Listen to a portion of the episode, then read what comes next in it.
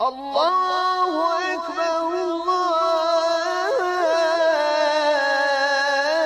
الله أكبر لا إله إلا الله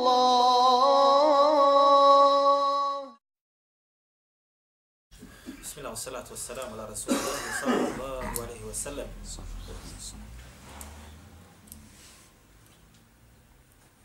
Smo napisali gorovne stihove prošli puta.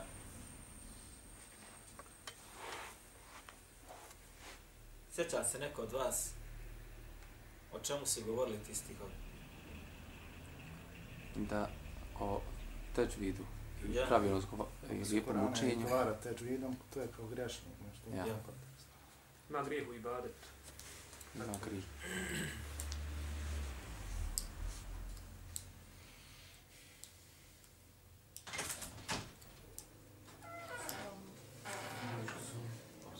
Te stihove, znači, rekli smo napisao jedan od najučenijih ljudi u qiraatima Džezari.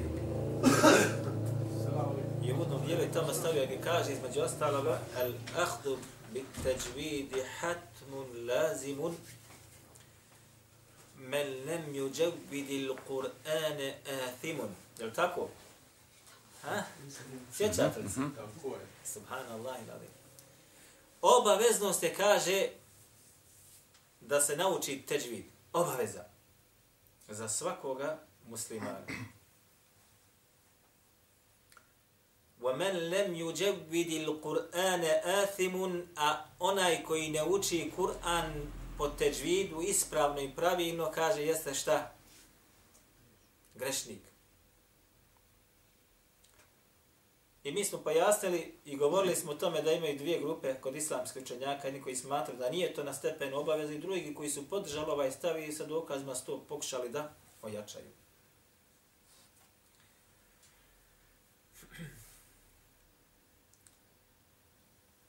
Pitanje je da li je svaki musliman dužan decidno poznavati teđvidska pravila.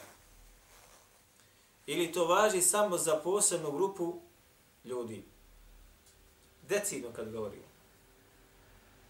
Jedan od jakih stavova jeste da svaki musliman mora poznavati osnovna teđvitska pravila. Osnovna teđvitska pravila. A finese po pitanju samoga teđvida ili decidnosti po tome pitanju spada na odgovornost islamskih učenjaka koji se bave, bave tom znanošću. Između tih osnova nije samo da insan poznaje teđvidska pravila, a, nego između ostaloga da poznaje i gramatike nešto malo, odnosno onako da zapamti kako zaista piše u Koranu. Jer nekada, braćo, sama završnica onoga hereketa koje se nađe na kraju riječi može da promijeni značenje. Može toliko da promijeni značenje da insan, kad bi bio svjestan šta izgovara da zna šta izgovara, ode u kufr i nevjerstvo. Sirata alladhina anamta alaihim.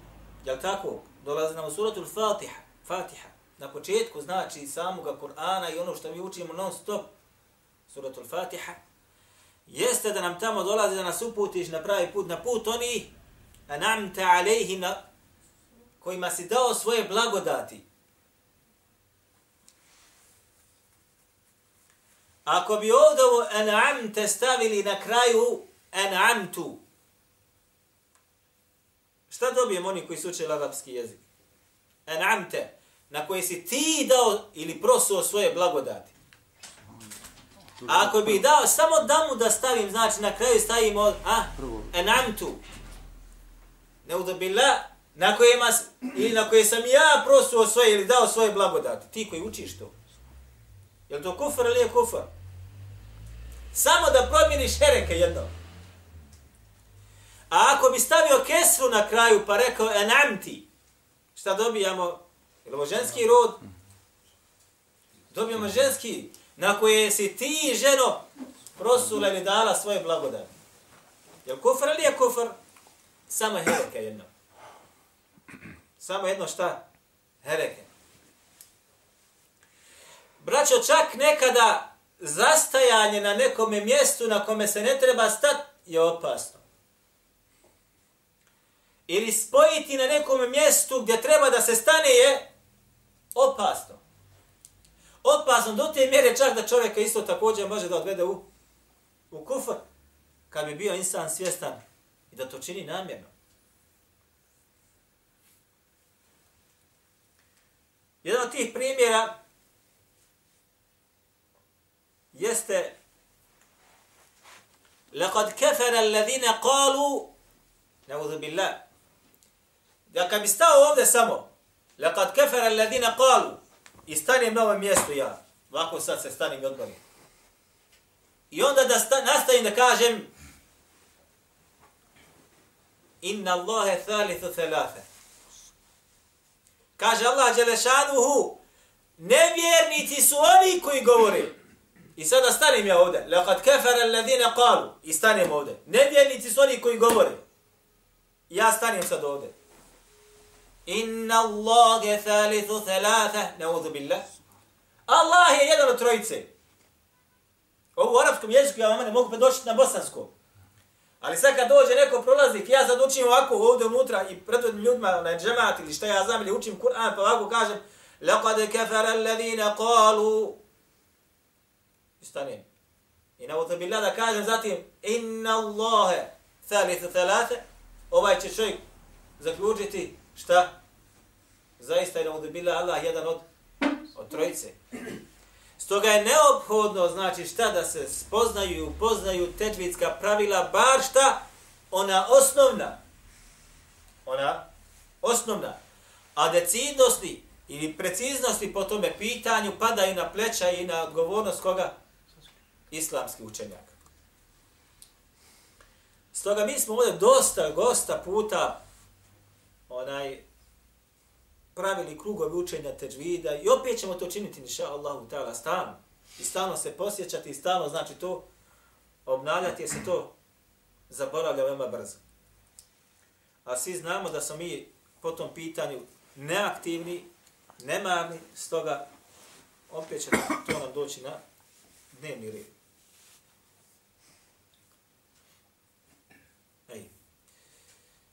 Danas ćemo, braćo, samo nakratko da vam kažem, mi smo završili, inša Allahu ta'ala, sa po pitanju Kur'ana. Mi smo, znači, govorili hadijskoj nauci, nešto veoma malo. Zatim smo spomenuli u prošlom našem druženju, govorili smo o Kur'anu i kur'anskim znanostima. Je li tako ili nije tako? I došli smo da zaključi da, da su kur'anske znanosti vama lahke. Je li tako? Je li tako bilo? Vama teške. Vama teške. Danas ćemo samo na brzinu da spomenemo ono što ne bi moglo nikako da se mi mojiđe. Jeste uvjeti onoga koji govori o Kur'anu. Uvjeti koji mora da posjeduje neko ko želi ljudima da tumači nešto što je Allah Đalešanu u svojoj knjizi objavio. Svaki od vas, ja sam ubijeđen, da je znao ponekad ili često puta nekome tumačiti šta Allah Đelešanu kaže u Kur'anu. Je li tako ili nije tako? Pogotovo ljudima koji on smatra da manje poznaju Kur'an ili vjeru ili propise Allahu Đelešanu vjeru. Je li tako? Siguran sam to. I kad je to činio, osjećao se je onaj možda za, za nijansu jakim, kako on to dobro zna, kako on to čovjeku pojašnjava ili grupe ljudi i kako oni to neki od njih netrmice znači posmatraju, upijaju i tako dalje, pa ga možda malo zanese način tog njegovog tumačenja, pa sebi datne, znači, umisli se da on ko biva nešto sad može da zna ili da nešto tumači. Vidjet ćete nakon kad budemo spomenuli te uvjete malo i prokomentarisali da zaista insan čak i koji ima nešto od tih uvjeta može slobodno da za sebe da kaže ja ne smijem da tumačim Allahu Đalešanu knjigu. Te uvjete braćo, nije niko izmislio. Da je neko sad došao i izmislio i kaže ovo je moje, ja to kako kažem, mora svako da... Ne, to je jedinstveni stav kod islamskih učenjaka. Jedinstveni stav kod islamskih učenjaka i niko se po tom pitanju nije razišao i rekao ne mora to tako da bude. Prvi od uvjeta gdje su islamski učenjaci stavili jeste husnul i'tiqadi. Prvi uvjet da čovjek govori o Allahu i Đelešanu u knjigi, da tumači je. A morate praviti razliku između tumačenja i takozvanoga en nakala prenos, ili prenošenja što je neko protumačio od islamskih učenjaka. Ovo napravte razliku. O čemu se radi? Kad ja sad navedem neki od kuranskih ajeta, zatim kažem, ovo znači tako, ovo znači tako, ovo znači tako. U ovome se iziskuje i traži se to i to, ovo je znači propis tu, takav i takav. Ovo je čiji govor? Ovo je moj govor. Ja sam sebe stavio u poziciju da tumačim Allahov Đelešanuhu govor. Pustimo sad da li je insan na tome ili nije na tome, vraćat ćemo sad nove šartove. A kad kaže, rekao imamo kultibu u svome tefsiru, da značenje ovog ajeta jeste takvo, takvo i takvo, i da se tu izlači propis takav i takav, i da je rekao Ibn Kathir po tom pitanju u svome tefsiru tako i tako, da je rekao imamo taberi tako i tako, čiji je ovo govor? Ovo je znači navođenje islamskih učenjaka u tefsirskoj znanosti mu fesira. I odmah si ti šta ovde sad? Jesi mu fesir ili si samo onaj koji navodi? Onaj koji navodi. I onda si ovde ti šta se lijepo ogradio od onoga što si mogo da promašiš. Je li tako? Dobro. Mi sad govorimo znači o onima koji svojim govorom tefsire Allahu Đalešanu knjigu. Prvi od uvjeta mora da bude husnu li i'tiqad, odnosno ispravne šta? Akide. Ispravnog imanskog ubjeđenja u potpunosti. Ej. Zbog čega? Šta mislite zbog čega? Zašto nije na prvom mjestu stavljeno da bude poznavalac arapskog jezika? Ili da bude poznavalac sunneta Allahu poslanika sallallahu alejhi Ili da bude poznavac usulskih znanosti. Zašto na prvom mjestu akidatsko objeđenje da bude ispravno? Zato, zato što onaj, bez akide imaju Aha, odlično. hafiza, imaju... Odlično.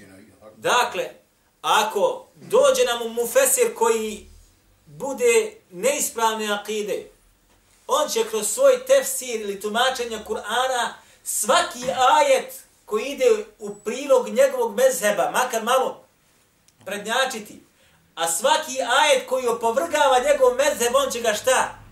Pokušati da usmjeri u drugačije značenje.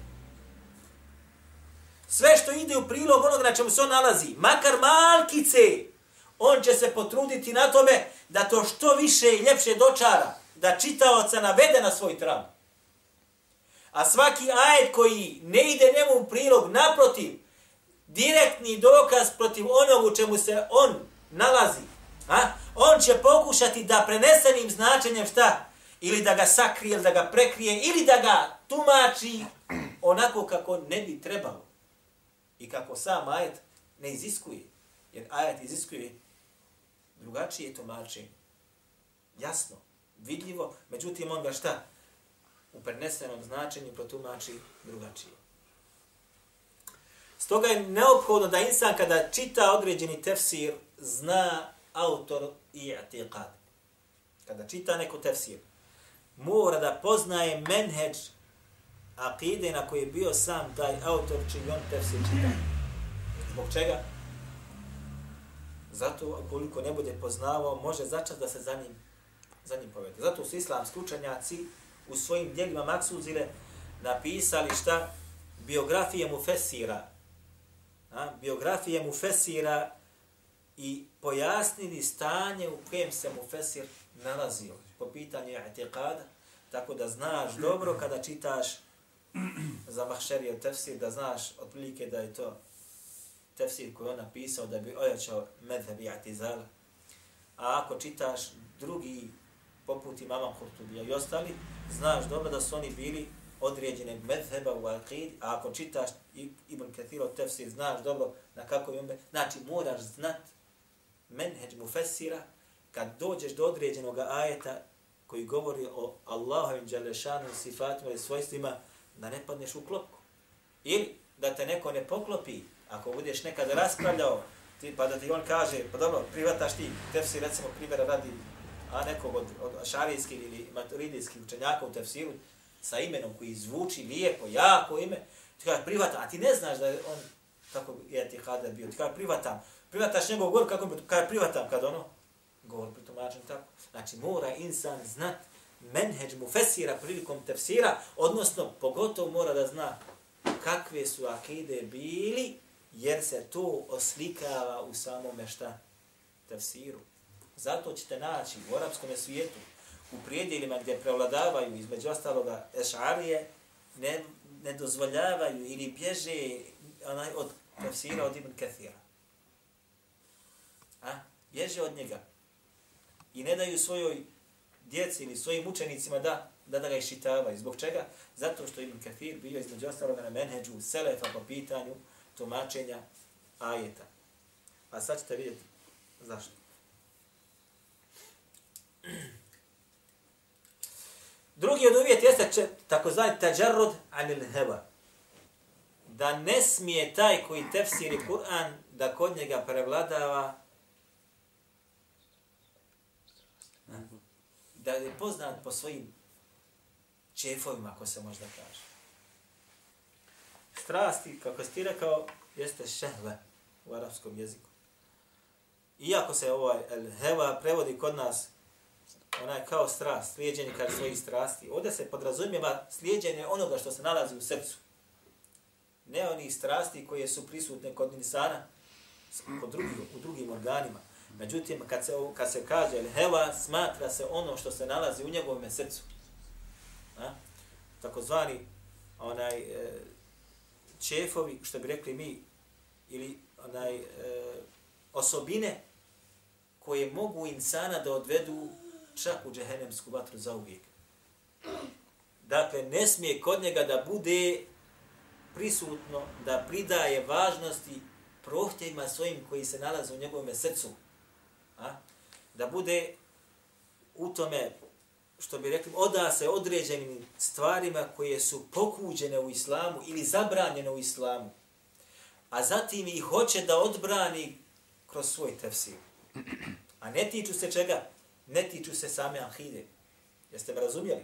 Poput primjera radi da čovjek koji puši, a, puši cigaret, između ostaloga, kad dođe određeni ajeti koji jasno govore o tome ili se nadzire iz njih da je pušenje zabranjeno, on pokušava šta?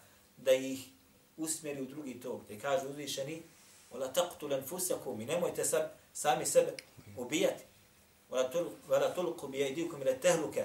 I nemojte bacati sami sebe u propast. Ha? Svi islamski učinjaci koji nisu od pušača uzeli bi ove ajete među ostalog u savremeni i govorili bi ovi su ajeti dokaz među ostalog da je pušenje zabranjeno zbog čega? Zato što samo pušenje jeste da insan sam sebe ubija, zatim da trošiš svoj metak, zatim da druge truješ tako dalje. Međutim, onaj koji puši, kada bude došao do ovih ajeta, on će ih usmjeriti u nešto, u nešto drugo. Ovo je samo jedan banalni primjer. Imate daleko, daleko veći stvari od toga. Treća stvar jeste da mora biti od poznavaoca čega? Kojeg jezika? Arapskog. Engleskog jezika? Arapskog jezika. Mora biti poznavaoc arapskog jezika. A? Kako se kaže između ostaloga u njegovim osnovama i u njegovim šta? Perifernim dijelovima. Odnosno da bude gotovo stručnjak u arapskom jeziku. Niko od islamskih učenjaka kad je stavio ovaj šart, braćo nije rekao mora biti Arab. Da onaj koji tefsiri Kur'an mora biti Arab. Ne. Nego su rekli mora biti poznavalac čega? Arapskog jezika. Zbog čega? Zato što su jedni od najvećih velikana braća u hadijskoj znanosti, a također u tefsirskoj znanosti, gdje ostalog bili ko? Ljudi koji nisu bili Arapi porijeklom. Nisu bili Arapi porijeklom, nego su znači naučili arapski jezik, a zatim se usavršili u njemu, a zatim između ostaloga tefsirili da li hadis, da li Kur'an i tako dalje. jedni od najvećih stručnjaka u arapskom jeziku, braćo, danas živućih, jesu ne Arapi. Vjerujte. Ja kad sam bio u, u Egiptu na studiju, bio je sa nama jedan iz jednih od ruskih republika. Onaj, znao je gramatiku bolje nego što su je znali profesori koji su nam predavali. Nikad nisam ga vidio da uči je. Naučio dok je bio od malena. Znao je gramatiku, gramatiku arapskog jezika bolje nego što profesori je znaju Arapi koji su mi učili pred njima. I on nam je između ostaloga nama predavao arapski jezik. Bez da gleda u knjigu koju smo mi gradili sa njim. I to nije knjiga u kojoj mi učimo za početnike, nego se radi o knjigama koje su napisane znači na arapskom jeziku gdje je sadržana onaj gramatika arapskog jezika. Da li u stihovima, da li prokomentarisano i tako dalje.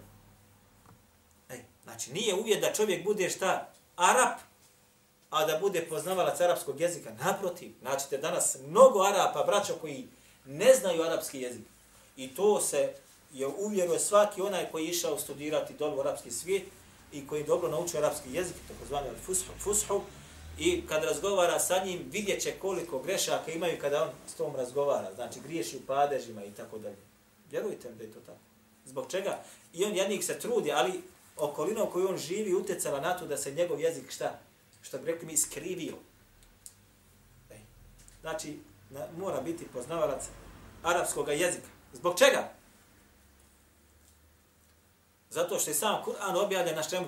Na arapskom jeziku. Ne samo to. U Kur'anu se, braćo moja draga, nalazi sva gramatika. Sva gramatička pravila. Kada, recimo, najveći stručnjaci u arapskom jeziku, kada komentarišu određena gramatička pravila koja su u arapskom jeziku poznata, vraćaju se našta na dokazivanje tih pravila sa kuranskim ajetima. To je nama teško to zamislivo kada čitamo to na bosanskom jeziku. I kad bi preveli, znači, određene knjige arapskog jezika gdje se dokazuje sa Kur'anom, vi ne bi ništa skontali. Zato jer se izgubi smisao. Izgubi se smisao. Znači, vraćaju, znači, dokazivanje određenim teđ, onaj, pravilima u gramatici, vraćaju na kuranske ajete. Zašto? Jer je to osnova po pitanju arapskog jezika. Zatim tu je sunet Allah, poslanika sa sunet po pitanju arapskog jezika, a zatim se vraćaju na na pjesništvo koje je bilo poznato prije, prije Islama. Vraćaju se na pjesništvo koje je bilo poznato prije Islama.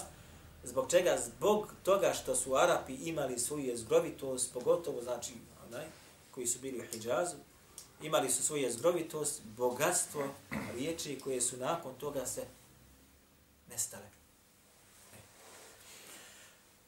Četvrti šart ili uvjet jeste da onaj koji tumači Kur'an mora poznavati takozvane osnove kur'anskih disciplina.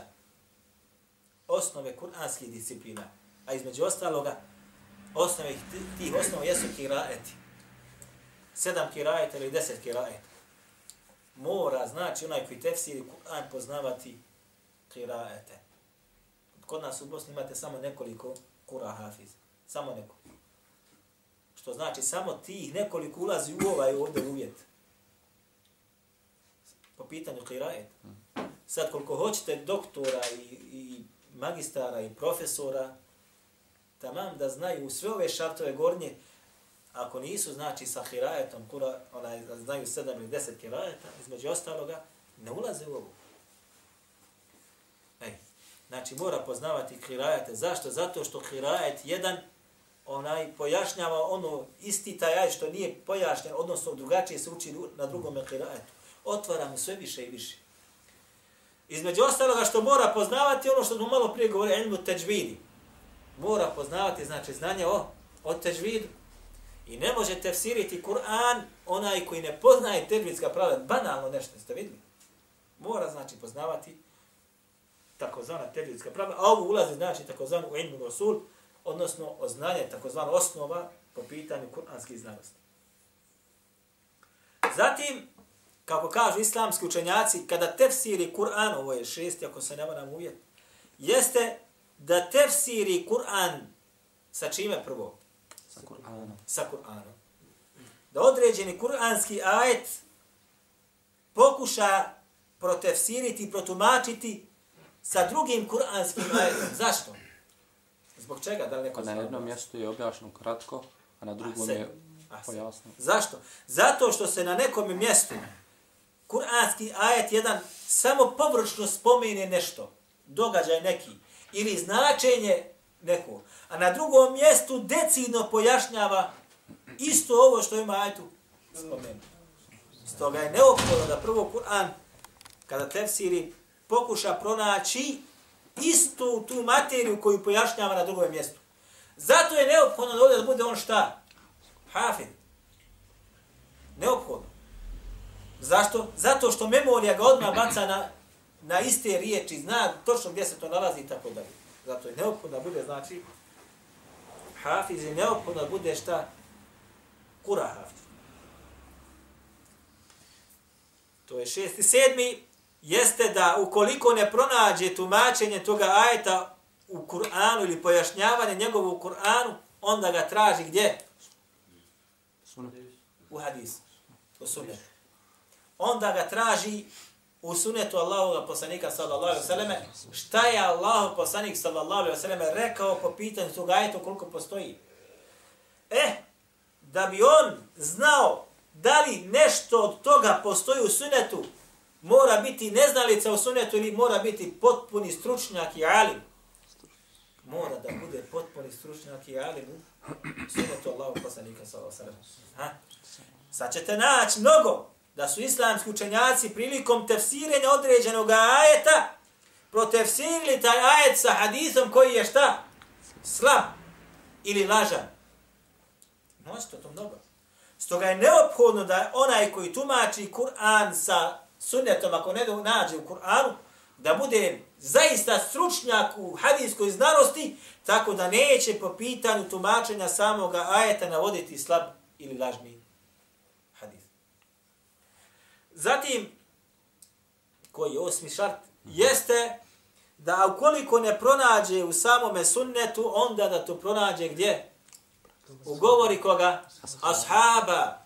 Šta su ashabi po pitanju određenog ajeta? rekli. a to ćete naći mnogo. Dakle, naćete mnogo da nije zabilježeno u sunnetu ništa po tom pitanju, ali da su ashabi po pitanju određenog ajeta dali svoj govor i protumačili određen ajet sa svojim govorom.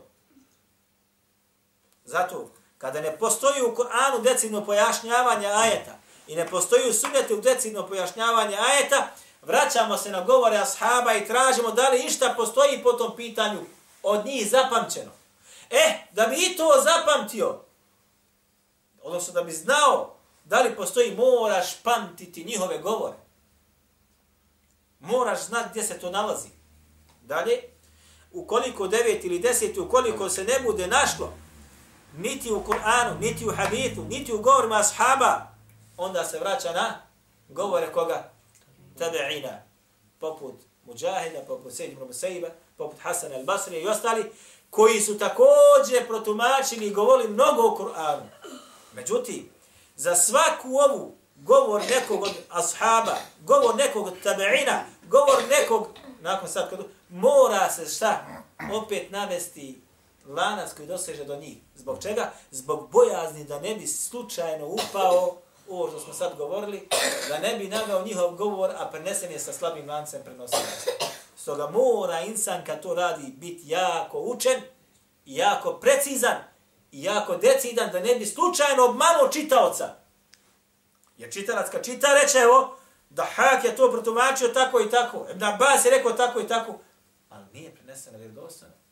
Stoga je neophodno da Mufesir u svoje tekstove koji navodi, znači, navodi samo rivajete koji su vjerodostojni, a ako su slabi, da pojašni i kaže preneseno je sa slabim lancem prenosilaca. Zatim, ako ne nađe u deseti šak, ako ne nađe u govoru tabeina, onda se vraća na govore imama, poznatih po pitanju, znači tafsira, i to otprilike ti nekih deset uvijek.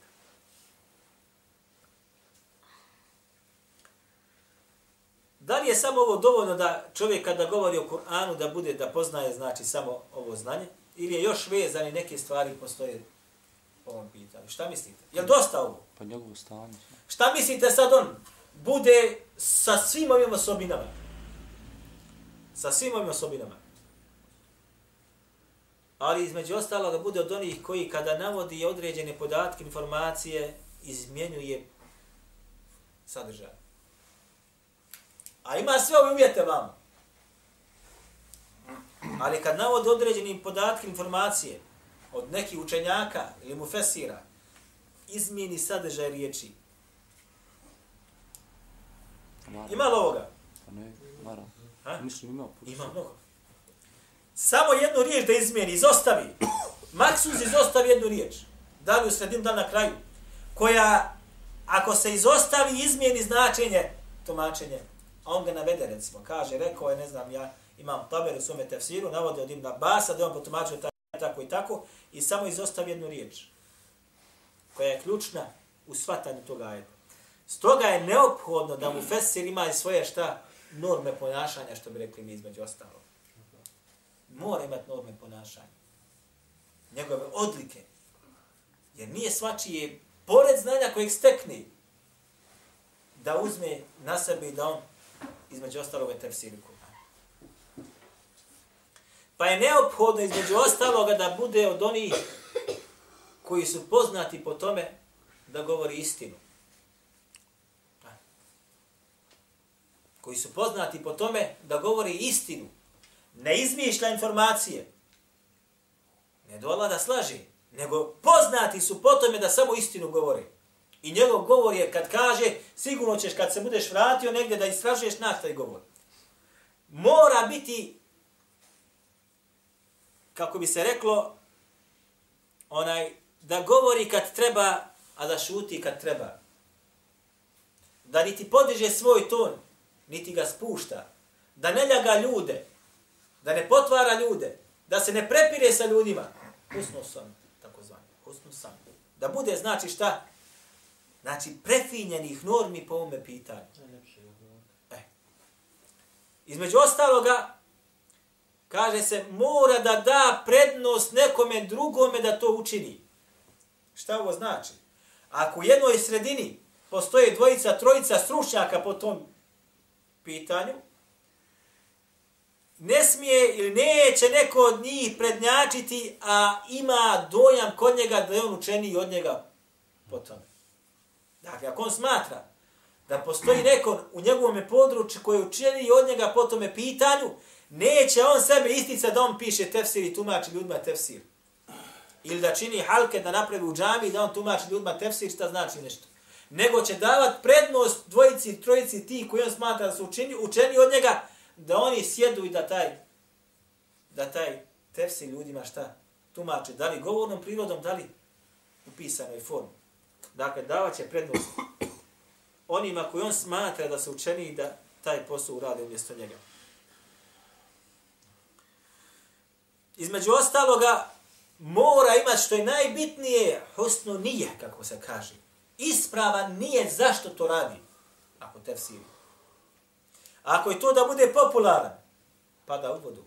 Ako je to da se taj tefsir oštampa, da on zaradi, pa da vodu. Ako je to zbog toga da kažu kako je učen u tefsiru, pa da uvodu. Stoga mora imati, znači, skristaliziran nijet da to što čini, čini radi Allaha Đelešanu i da se od tog govora muslimani koriste. I između ostaloga, još na kraju ćemo spomenuti, da onaj koji onaj tefsiri Allahu Đelešanuhu knjigu mora biti od onih koji to kad čine, čine samo da bi potpomogli Allahu Đelešanuhu vjeru. A onaj koji čini to da bi potpomogao Allahu Đalešanu vjeru, mora sve ove prethodne odlike da posjeduje. Pogledajte sad. Jedan od primjera. Vi ste čuli za Sejda Kutba. Se čuli za njega? Sejid Kutb je ubijen od strane egipatske vlasti 60. godina, koliko se ne varam. napisao je svoj tefsir, između ostalo još dok je bio u zatvoru. I njegov tefsir je poznat u arapskom svijetu i preveden je čak, ja mislim, na bosanskom jeziku. okrilju Kur'ana, koliko se nam izgledali Kur'an. Ovaj, nakon što je napisao on taj tefsir, nakon što je se taj tefsir oštampao i tako dalje, on je doživio mnoge kritike od strane određenih krugova, neću ništa imenovati, koji su došli do te mjere i da zabranjuju muslimanima da čitaju taj tefsir. I Sejda Kutba, rahimahullah, obtužuju da je on gotovo izišao iz vjere zato što u njegovom tefsiru ima svega i svašta. Međutim, braće, o svakome mufesiru se prilazi shodno njegovome stanju kojim je živio.